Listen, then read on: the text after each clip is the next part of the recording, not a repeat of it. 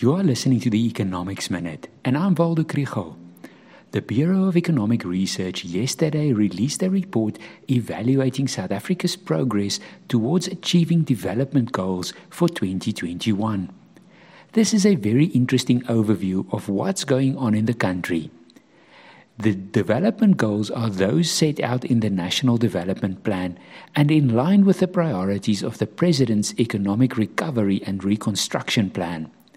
The idea is to see if we can make progress with things like economic growth and employment, health promotion, improving education, service delivery, and so on.